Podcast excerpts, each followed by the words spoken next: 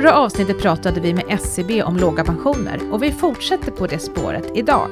Inom det allmänna pensionssystemet så finns det en målkonflikt mellan inkomst och grundskydd. Många med låga inkomster omfattas till viss del av garantipension eller bostadstillägg, trots ett långt yrkesliv. Från politiskt håll har det funnits en vilja att förbättra situationen för de som har lägst pension. Genom flera beslut har man höjt garantipension och bostadstillägg. Inflationen har dessutom inneburit att garantipensionen, som följer prisutvecklingen, haft en större uppräkning på sistone än pensioner som är beroende av inkomst eller börsutveckling. Kan den allmänna pensionen bli mer rättvis för de med långt yrkesliv och låga inkomster? Det ska vi prata om idag med Anna Kirsti Lövgren, LO-ekonom med inriktning på ekonomisk politik, inkomstfördelning och allmän pension. Välkommen till oss! Tack så mycket. Du har författat en rapport som LO då har tagit fram som heter Starkare inkomstskydd i pensionssystemet. Vad kom du fram till? Framförallt att pensionerna blir för låga. Även om man arbetar mycket länge och ända fram till pensionssystemets riktålder, så ser pensioner i de flesta årskullar, alla från de som går i pension nu till de som föds nu mer eller mindre, mm. bara ut att bli närmare 50 procent av lönen och inte 60 procent, vilket skulle vara ett mycket rimligare inkomstskydd.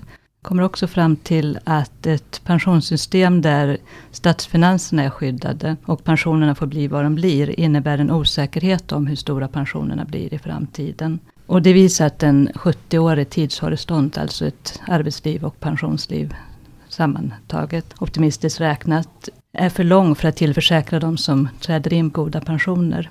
Men när du säger 50 procent, är det både allmän pension och tjänstepension? Alltså Nej, totala nu, pensionen? nu pratar jag bara om den allmänna, allmänna pensionen. pensionen okay. mm. Utgångspunkten på 90-talet när den allmänna pensionen gjordes om var att pensionsnivån skulle vara omkring 60 procent av lönen efter drygt 40 års arbete. Men vissa av de antaganden som, om framtiden som man hade då visade sig inte stämma. Vi lever till exempel längre än vad man hade räknat med och samtidigt vill inte så många kompensera genom att arbeta längre. Den allmänna pensionen bygger just på att det blir vad det blir. Är man inte beredd att jobba längre så faller pensionsnivån. På LO anser ni att den allmänna pensionen trots detta bör motsvara 60% av slutlönen eller däromkring. Hur skulle det vara möjligt? Ja, här kolliderar två utgångspunkter. Det är inte bra med ett pensionssystem som tvingar framtida generationer att eh, sätta pensionärernas anspråk framför alla andras behov. Därför har vi pensioner som påverkas av både hur ekonomin eh, utvecklas och hur befolkningen utvecklas. Men det finns samtidigt berättigat behov av att bevara en viss inkomstnivå på ålderdomen. Man måste veta att man har en tillräcklig inkomst när man inte längre orkar arbeta. När vi kan se att pensionssystemet inte tillräckligt väl fyller syftet måste det gå att göra justeringar och inte fastna i att inte ett kommatecken får ändras i förhållande till vad som bestämdes på 90-talet. När pensionssystemet skapades rådde ett samförstånd om att den allmänna pensionen bör ge en inkomsttrygghet motsvarande ungefär 60 procent av slutlönen. Enligt LO har det behovet inte förändrats. På framsidan av den här rapporten som du har skrivit, eh, högst upp till höger så står det en pension att leva på. Vad innebär det? Är det just det här som jag tror att du är inne på, att man ska ha en viss pensionsnivå av den tidigare lönen? Eller finns det också, eller på något sätt något självändamål med att fler har en inkomstbaserad pension med mindre inslag av garantipension och, och bostadstillägg? Eller?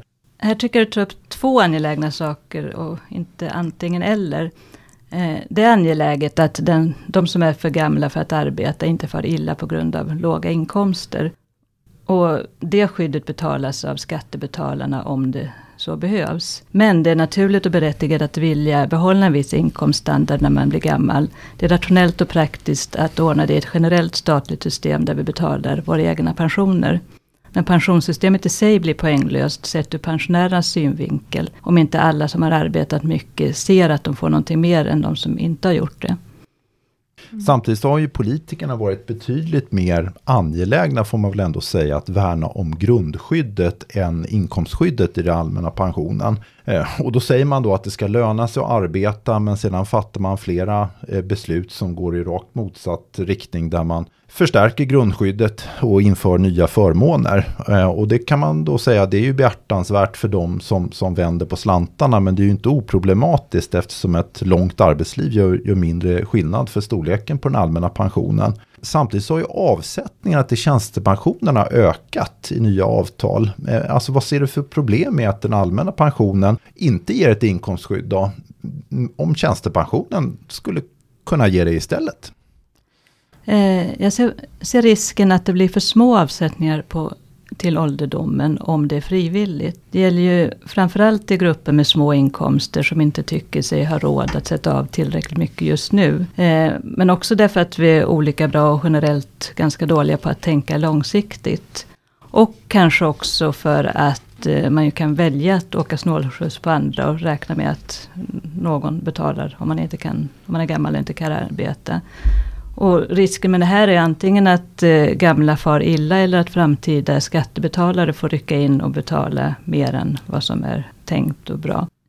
Eh, men nu är ju tjänstepensionen, de är långt ifrån oviktiga idag. Eh, men jag tror att det skulle vara mindre effektivt att ge dem en mer avgörande betydelse. Eh, det blir svårt för, eller det är svårt för löntagarna att överblicka olika tjänstepensioner. Och får de en större eh, roll så blir det här ett ännu större problem. Och då tänker jag dels att det finns en risk att man kan välja fel jobb om man inte känner till vilken tjänstepension som följer med jobbet. Eller å andra sidan om man känner väl till det, i och med att de är olika, att man kanske fastnar i ett jobb som man inte är bra som inte är riktigt bra för en därför att den har en tjänstepensionslösning som funkar bra i den situation man befinner sig i. Jag tänker även om man då har ett långt arbetsliv så kan det ju ändå hända saker som gör att det inte blir som man har tänkt. Man kan bli sjuk, man kan bli arbetslös. Eh, hur tänker ni kring det? Liksom? Hur kan man komma till rätta med, med sån problematik? Ja, nu sätter du fingret på en fråga som blir väldigt brännande. Eh, när kraven på att arbeta högt upp i åldrarna är höga. Den här frågan om vad som är normal pensionsålder och vad som är nedsatt arbetsförmåga. Eh, jag vet inte om jag har fullödiga svaret på vad man ska göra åt det. Men det måste ju finnas en förståelse och acceptans för att alla inte klarar att arbeta fram till ett all, en allt högre riktålder. Mm. Och där kommer sjukförsäkringen in och måste, måste matcha pensionsreglerna. Man måste kunna lita på att man får ersättning därifrån om man behöver och inte tvingas gå i en pension tidigare. Och få en lägre pension av hälsoskäl. Mm. Mm. Och man har ju diskuterat då högre inbetalningar till den allmänna pensionen. Det har ju hörts ofta faktiskt i debatten de senaste åren. Och ofta så blir det liksom som en reform då för dagens unga som då har åtminstone 40 år på sig liksom att tjäna in de här pengarna. Men om, om man tittar på dagens pensionärer, skulle de också kunna ta del av en höjning retroaktivt? Det borde väl bli ganska kostsamt i så fall. Hur kring, tänker du kring, kring det? Egentligen blir det inte kostsamt eftersom vi har ett fördelningssystem där de avgifter vi betalar in används till dagens pensioner. Mot att vi får en rätt till pension på samma sätt när det blir så dags för oss som jobbar nu. Men frågan är om det är berättigat och det tycker LO att det är. Eh, det finns flera skäl till det. Eh, kanske först att det var svårt att i god tid förutse att pensionerna skulle bli så låga. De som nu går i pension var mitt i arbetslivet när vi bytte pensionssystem och allt såg ut att bli bra. Och de fick ju också ATP-poäng för åren de jobbade mellan 1960 och 1994 som använde, omvandlas till pensionsrättigheter i nya systemet. Och i efterhand har det visat sig bli mindre värda på det sättet. Men sen kanske framförallt så har ju löntagarna länge betalat in en allmän löneavgift rakt in i statskassan som inte har gått till ekonomisk trygghet för löntagarna så som arbetsgivaravgifter som tas ut på samma sätt gör. Och sen ett annat eh, politiskt skäl är väl att det anses ju allmänt att pensionerna är för låga. Inkomstpensionstillägget som infördes för några år sedan är väl ett tydligt tecken på mm. det och de höjningar av grundtryggheten som har gjort. Mm. Och då är det bättre att rätta till systemet lite långsiktigt än att lappa och laga med olika bidrag som är riktade på olika sätt beroende på när besluten fattas. Men en sån höjning som går till både nuvarande och kommande pensionärer behöver finansieras som jag pekade på med en sänkning av den allmänna löneavgiftning och höjning av pensionsavgiftning. För skulle den istället tas ut av löneutrymmet så blir det svårare att motivera varför den används till dagens pensionärer istället för att fonderas till kommande pensionärer. Mm. Du menar ju att den här pensionshöjningen delvis är självfinansierad eftersom offentliga kassor, om jag förstår det rätt, får ökade intäkter eller minskade utgifter. Handlar det om kommunernas hemtjänstavgifter och statens bostadstillägg eller finns det andra saker här?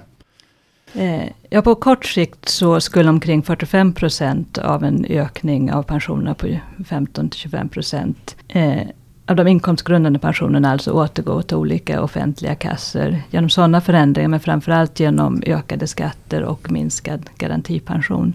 Det finns ju nationalekonomer som ifrågasätter det här behovet av att sätta mer pengar till just pensionen mot bakgrund av att pensionärerna på det stora hela har en, som man säger då, god ekonomisk situation, även om det naturligtvis finns de som har det svårt. Och så hävdar man då att en större pensionsbehållning i framtiden, det kan ju faktiskt leda till en tidigare pensionering, alltså tvärt det här med längre arbetsliv som, som politikerna efterfrågar. Och om man höjer pensionerna retroaktivt, då sänder politikerna signalerna hävdar man då att yrkeslivet kanske inte är så viktigt eftersom man kan höja pensionen i efterhand genom politiska beslut. Vad, vad tycker du om de här argumenten?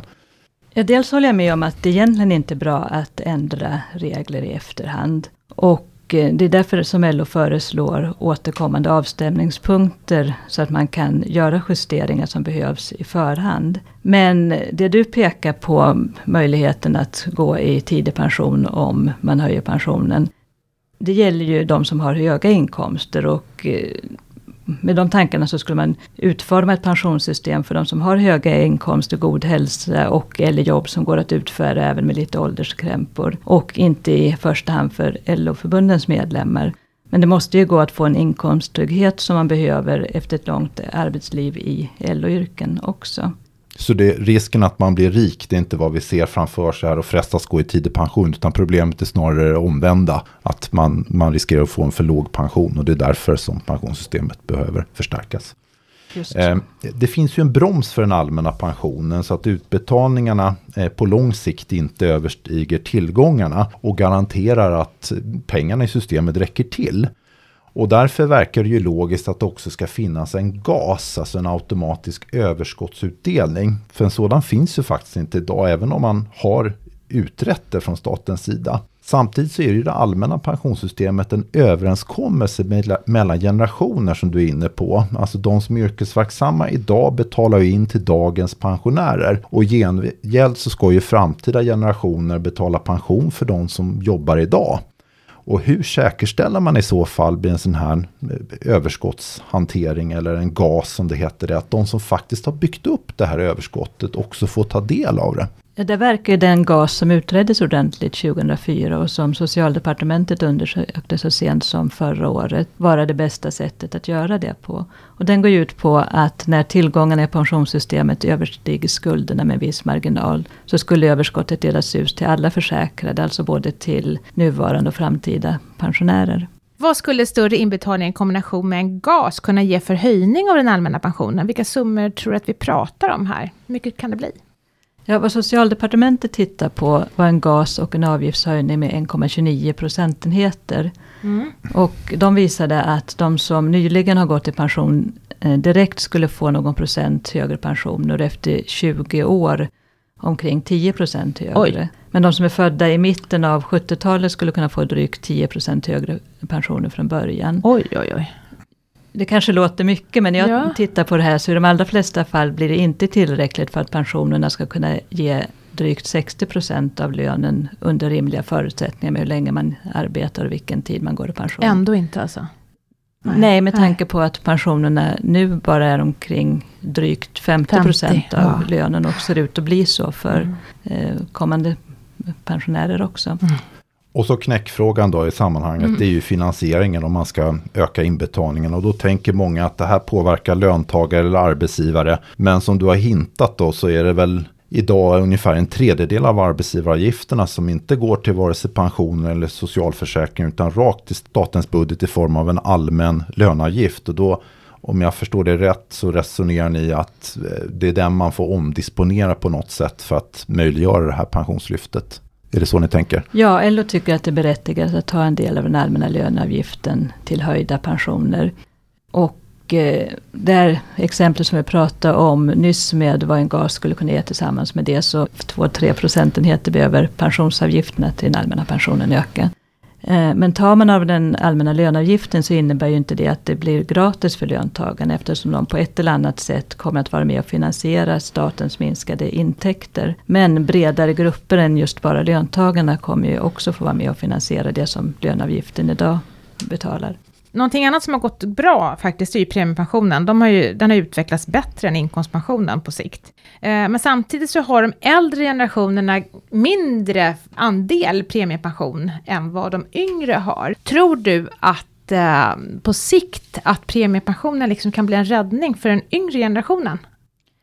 Eh, ja, premiepensionerna blir förmodligen en större del av pensionen och kommer nog att lösa en del av problemet. Men samtidigt så är de mycket mer osäkra än den inkomstpensionen. Vilket är ännu ett skäl att göra justeringar av avgiftsnivån i återkommande avstämningar och inte låsa alla detaljer i regelverket en gång för alla. Hur ser LO på premiepensionen som konstruktion? Är det en bra möjlighet till att få högre avkastning eller är det problematiskt att utfallet skiljer sig åt mellan individer eftersom den allmänna pensionen är en socialförsäkring som borde vara lika för alla? LO anser att premiepensionen ska avskaffas, men då är det just eh, det slumpmässiga i att pensionen kan bli låg på grund av oturliga fångval som är invändningen. Möjligheten att välja fel fond fyller inte något syfte i en socialförsäkring. Att pensionen till en del beror på kapitalavkastningen behöver däremot inte vara fel. Men premiepensionerna kunde förvaltas på samma sätt som AP-fonderna. I din rapport då så menar du att det finns en stor osäkerhet om hur stora pensionerna egentligen kommer bli i framtiden. Osäkerheten beror på att det handlar om en långtidsperiod på typ 70 år om man då slår ihop både yrkesliv och pensionärsliv. Eh, ni argumenterar för att det behövs avstämningspunkter. Vad skulle det innebära och hur skulle det gå till? Ja, det skulle innebära att man med jämna mellanrum, kanske ett eller ett par decennium, med hjälp av de bästa tänkbara prognoser som är till, tillgängliga då, stämmer av hur höga pensionsavgifterna behöver vara för att de framtida pensionerna ska bli tillräckligt höga. Eh, och det behövs naturligtvis en bred politisk uppslutning kring beslut som har så långsiktig verkan. Och arbetsmarknadens parter behöver delta eftersom det i hög grad handlar om hur lönen ska disponeras över livet. Mm. Men att värna pensionssystemet måste betyda att se till att det upprätthåller sitt syfte. Inte att låsa regelverket och se på när pensionsnivåerna sjunker. Det införs ju en riktålder nu som är tänkt att höjas successivt i takt med att medellivslängden ökar. Och åldersgränserna när det gäller uttag av allmän pension de höjdes ju 2020, nu även 2023. Och tanken är ju sen att det här ska sköta sig själv mer eller mindre utan egentligen politisk inblandning framöver i takt med den ökade medellivslängden. Innebär de här avstämningspunkterna som ni föreslår att det kan finnas en bortre gräns för hur mycket de här åldersgränserna kan höjas? Det är framförallt att dagens avgifter ger för låga pensioner som har fått LO att begära avstämningspunkter. Kanske vore det också ett bra tillfälle att ompröva riktåldern. Det är inte riktigt så vi har resonerat. Men som sagt, kanske. Mm. LO anser att det är rimligt med riktålder som anger hur länge en person ska behöva arbeta för att få en godtagbar pension. Och som med automatik följer medellivslängden så att två tredjedelar av livslängdsökningen blir ett förlängt arbetsliv på det sätt som regelverket säger. Men LO har inte kunnat ställa sig bakom de höjda åldersgränserna i pensionssystemet nu. Därför att det är för stora skillnader i möjligheten att arbeta fram till 66 års ålder. Det är knappast en slump att det för några år sedan var mer än hälften av de tjänstemän som började ta ut pension som var 65 år eller äldre. Men mindre än hälften av de arbetare som började ta ut pension som var så gamla. Så innan det är rätt att höja åldersgränserna behöver det ske förbättringar i arbetslivet som jämnar ut de skillnaderna i ja, förbättringar i arbetsmiljön, möjligheten till omställning, möjligheten till fasta heltidsjobb och så vidare. Men den här skillnaden då mellan olika grupper som det är inne på, då, finns det inte en risk att ökad inbetalning till den allmänna pensionen framförallt gynnar akademiker som lever länge medan privatanställda arbetare missgynnas?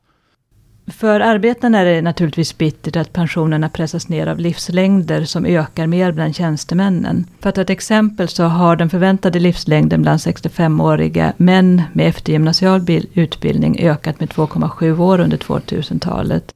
Men den bara ökade med ett år bland kvinnor med gymnasial utbildning och 0,6 år bland kvinnor med, utan gymnasieutbildning. Om vi tar utbildning som en fingervisning om medelklass så har 65-åriga akademikermän därmed fått en längre förväntad livslängd än 65-åriga arbetarkvinnor. Så var det inte för 20 år sedan. Så generellt så gynnas akademiker och kvinnor av hur man använder livslängden i pensionerna. Förskottsräntan som tidigare lägger pensionsutbetalningar ändrar den balansen något. Men politiskt måste man också klara av att se till helheten och fatta beslut som gör pensionssystemet rimligt för arbetare. Och närmast till hand så ligger det då att se till hur andra delar av socialförsäkringssystemet kompletterar pensionen. Om inte sjukförsäkringen och möjligheterna för sjukersättning ger ett pålitligt skydd blir det väldigt skevt. Inkomstskyddet behöver bli bättre i situationer då man inte har möjlighet att arbeta. Istället för att a-kasseersättning, sjukpenning och liknande ersättningar läggs till grund för pensionen bör de bakomliggande inkomster som ligger till grund för försäkringen också ligga till grund för pensionen. Och det jämnar ju också ut skillnader som finns på arbetsmarknaden genom att eh, risken att bli sjuk eller arbetslös är olika spridd och mm. den är, de riskerna är dåligt försäkrade i pensionshänseende idag. Men om arbetarna systematiskt missgynnas i pensionssystemet så kan vi naturligtvis komma till en punkt då LO tycker att det kostar mer än det smakar. Men där är vi inte än. Och på sikt så måste det också gå att minska skillnaderna i livslängd. Det behöver inte se ut som det gör idag. Och där har vi ju ett, ett eh, poddavsnitt som är nyinspelat som handlar just om skillnaden i, i livslängd. Eh, där vi har, som jag har spelat in tillsammans med SCB som sagt. Nu pratar vi om den allmänna pensionen. Eh, tjänstepensionen växer ju samtidigt i betydelse och för många så spelar den en direkt avgörande roll för att man ska få en pension som man kan leva på. Och den utvecklingen kanske inte riktigt lika uppmärksammad i samhällsdebatten, men vi på Min Pension kommer att lyfta den när vi släpper vår kompensationsgradsrapport senare i år. Så det är väl en liten mm. teaser redan nu. Det är bra, då blir det ett nytt poddavsnitt. Ja. Ja, det blir det om kompensationsgrader. Men så har vi det här med jämställdhet då, då. Och pensionen det är ju en spegling av yrkeslivet och kvinnor har lägre löner och kortare tid i arbetslivet. Det finns en viss kompensation i den allmänna pensionen och också i tjänstepensionen och det gynnar ju då kvinnorna. Samtidigt är ju skillnaden mellan kvinnor och mäns pensioner stor. Vad tycker ni på LO att vi ska göra åt det här? Kan man göra någonting med pensionssystemet? Finns det några lösningar? Eller är det någonting annat som liksom skaver? Ja, framförallt är det arbetslivet som måste bli mer jämställt. Mm. Sen finns det ju ett samspel mellan familjelivet, arbetslivet och olika politikområden som betyder att till exempel familjepolitiken påverkar förutsättningar för ett jämställt arbetsliv. Vi ska också ha klart för oss att de största skillnaderna i pension finns mellan de äldsta pensionärerna, vilket naturligtvis beror på att kvinnorna i de senare generationerna har arbetat mycket större utsträckning än de tidigare. Och det understryker att det är i arbetslivet lösningarna måste sökas. Mm. Jag kan naturligtvis inte utesluta att det finns någon skevhet i systemet som kan och bör rättas ut till kvinnornas fördel i pensionssystemet alltså. Men generellt sett kan inte ett pensionssystem som syftar till att ge löntagarna en inkomsttrygghet också ge lika stora pensioner i grupper med olika förvärvsinkomster. Ja men så är det ju. För egentligen, vi har ju ett jämställt pensionssystem. Det är ju tyvärr yrkeslivet som är det ojämställda. Så är det väl. Men avslutningsvis då, vad, vad händer med pensionssystemets trovärdighet om grundskyddet får för stor betydelse tror du? Stödet för pensionssystemet kan urholkas om man tvingas sätta av en del av löneutrymmet till pensionsavgift utan att få någonting mer än de som har arbetat mycket mindre och får sin pension direkt ur statsbudgeten. Och samtidigt så minskar då de drivkrafter att arbeta som ges av vetskapen om att arbetet inte bara ger en lön utan också en bra pension på ålderdomen. Mm. Du, jag tänker så här, mm, många som har lyssnat på det här avsnittet blir säkert lite nyfikna på er rapport då, eller din rapport. Är det din eller är det LOs? Det är LOs rapport. LOs jag har hållit i pennan men den är ja. beslutad av LO-styrelsen ja. och många som har varit med och, och tänkt. Vad heter den? Den heter Starkare inkomstskydd i pensionssystemet. Ja, ja. Och den finns då på er hemsida, utgår jag ifrån. Ja, där hittar man den. Där kan man ladda ner den. Ja, och där hittade vi den i alla fall. Eller hur? Ja, stort tack Anna-Kirsti för att du kom hit idag. Det blev ett spännande samtal om inkomstskydd och pensioner. Tack för att jag fick komma. Ja.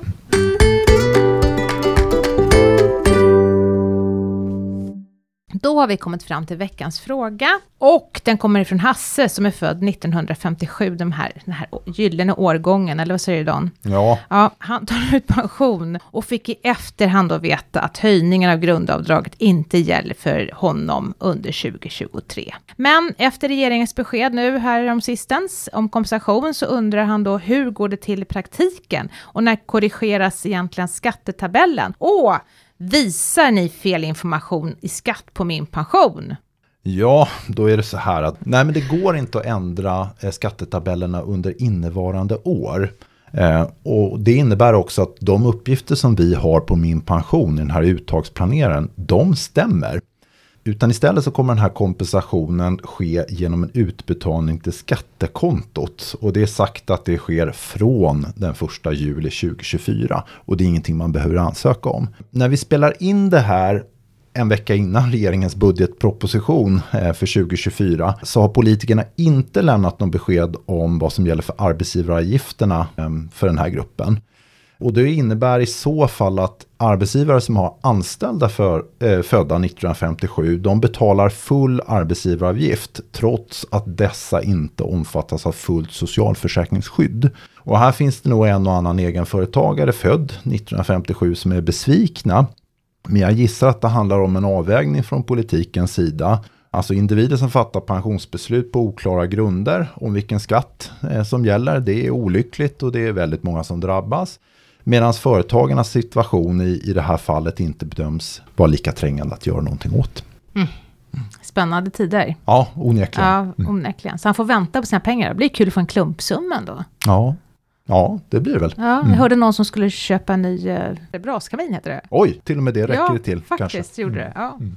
Det är bra nu när energin är lite dyr också, elen. Ja. ja. ja. Ja, det var allt för oss idag. Tack för att du har lyssnat. I avsnittet har du hört Anna Kirsti Lövgren från LO, Dan Adolfsson Björk och mig, Maria Eklund från Min Pension. Och podden produceras av Min Pension som är en oberoende tjänst i samarbete mellan staten och pensionsbolagen. Och det är ju på Min Pension som du kan logga in och få bättre koll på dina pensioner. Nya avsnitt släpper vi varannan fredag. Tidigare hittar du där poddar finns. Och gillar du Min Pensionspodden så tycker jag att du ska följa oss, för då missar du inte när vi släpper nya avsnitt. Om du har frågor som du vill att vi tar upp i kommande avsnitt, ja, då mejlar du till podd.minpension.se. Jag hoppas att vi snart hörs igen. Ta hand om dig och dina pensioner så hörs vi snart igen. Ha det bra, hej!